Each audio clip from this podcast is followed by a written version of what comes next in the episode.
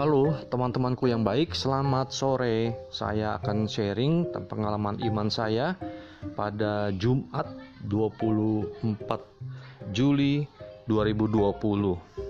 Judul yang saya berikan adalah Umat yang baik, keluarga yang baik, gembala yang baik. Umat yang baik, keluarga yang baik, gembala yang baik.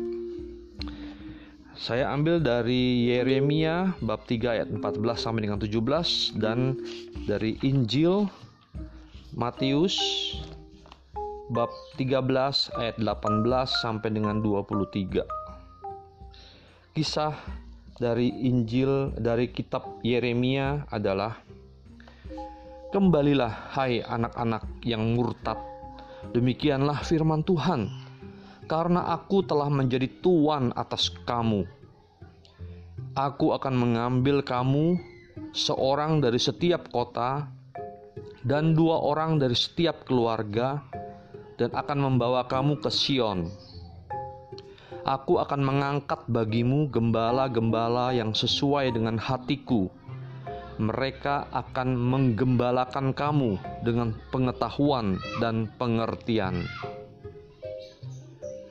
Apabila pada masa itu kamu bertambah banyak dan beranak cucu di negeri ini, demikianlah firman Tuhan, maka orang tidak lagi akan berbicara tentang tabut perjanjian Tuhan. Itu tidak lagi akan timbul dalam hati dan tidak lagi akan diingat orang.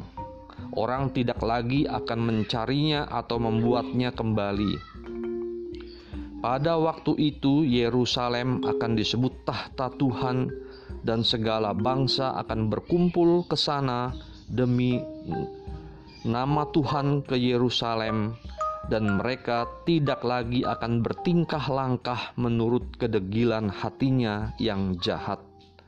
Demikianlah sabda Tuhan. Syukur kepada Allah. Nah, Injil Matius bab 13 karena itu, dengarlah arti perumpamaan penabur itu. Kepada setiap orang yang mendengar firman tentang kerajaan sorga, tetapi tidak mengertinya, datanglah si jahat dan merampas yang ditaburkan dalam hati orang itu.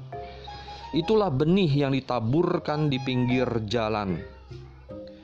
Benih yang ditaburkan di tanah yang berbatu-batu ialah orang yang mendengar firman itu dan segera menerimanya dengan gembira, tetapi ia tidak berakar dan tahan sebentar saja.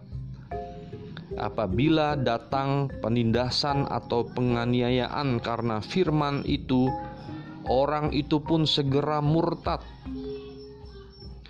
Yang ditaburkan di tengah semak duri ialah orang yang mendengar firman itu Lalu kekhawatiran dunia ini dan tipu daya kekayaan menghimpit firman itu sehingga tidak berbuah. Yang ditaburkan di tanah yang baik ialah orang yang mendengar firman itu dan mengerti. Dan karena itu ia berbuah. Ada yang seratus kali lipat, ada yang enam puluh kali lipat, ada yang tiga puluh kali lipat. Demikianlah Injil Tuhan, terpujilah Kristus. Teman-temanku yang yang baik, judul saya umat yang baik, keluarga yang baik, gembala yang baik. Dulu pernah seorang pastor, ya saya ingat pastor pembimbing rohani saya di paroki Blok B Barito. Beliau mengatakan dari gembala yang baik terdapat umat yang baik dan keluarga yang baik. Ya benar juga saya pikir ya, tepat. Tapi sekarang saya uh, sudah dewasa, saya uh, mulai dari diri saya. Oleh karena itu saya mengambil judul umat yang baik, keluarga yang baik, gembala yang baik. Ya, umat yang baik itu adalah seorang pribadi, dia juga adalah seorang leader, Nah, menariknya di sini ialah bahwa di Yeremia dikatakan Aku akan mengangkat bagimu gembala-gembala yang sesuai dengan hatiku. Mereka akan menggembalakan kamu dengan pengetahuan dan pengertian.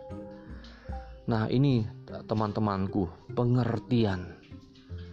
Jadi, orang harus mengerti sehingga dia bisa bertindak, dan makanya bisa menghasilkan buah. Nah, mulai dari umat, mulai dari pribadiku, mulai dari pribadi teman-teman. Bagaimana caranya? Yaitu dengan belajar.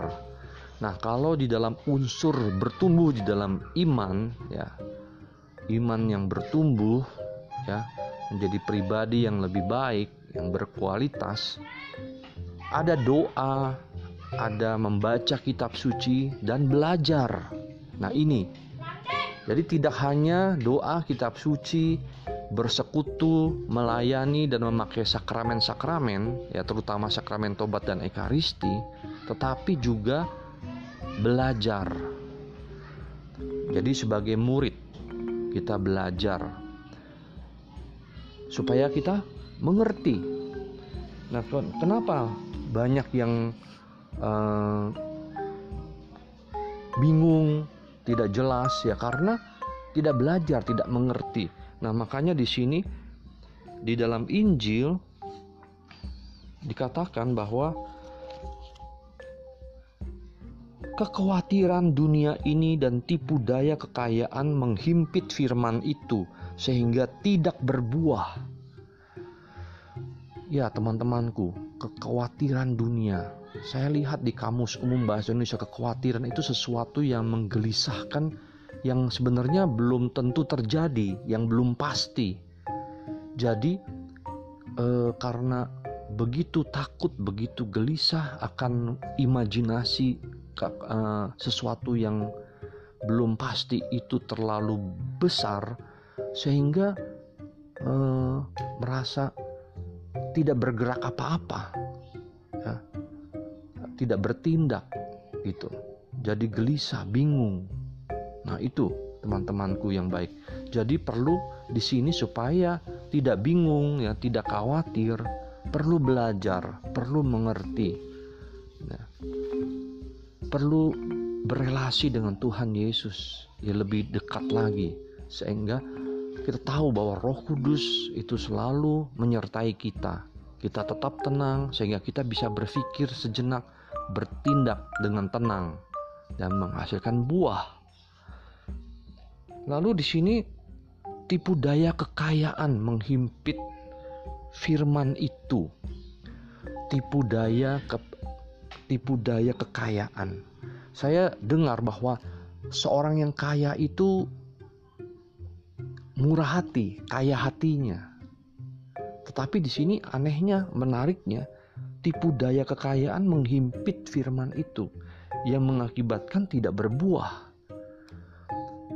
saya lihat di kamus umum bahasa Indonesia tipu daya itu jadi orang itu dengan tipu muslihatnya dengan segala usaha yang buruknya pikiran yang buruknya karena kekayaan yang dia ingin dapatkan begitu.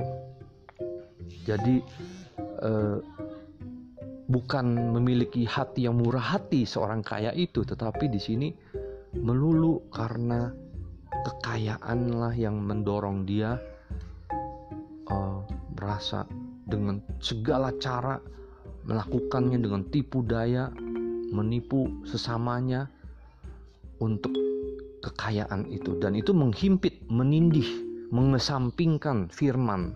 Ya, jadi di sini kita diajak untuk belajar, mengerti supaya kita dapat berjalan sesuai dengan kehendak Tuhan. Oke, teman-temanku yang baik, jadi belajar seperti di tanah yang baik, orang yang mendengar firman itu dan mengerti, dan karena itu ia berbuah. Oke, selamat bekerja, penuh iman, harapan, dan cinta kasih yang berkobar-kobar untuk Tuhan dan sesama. Bye.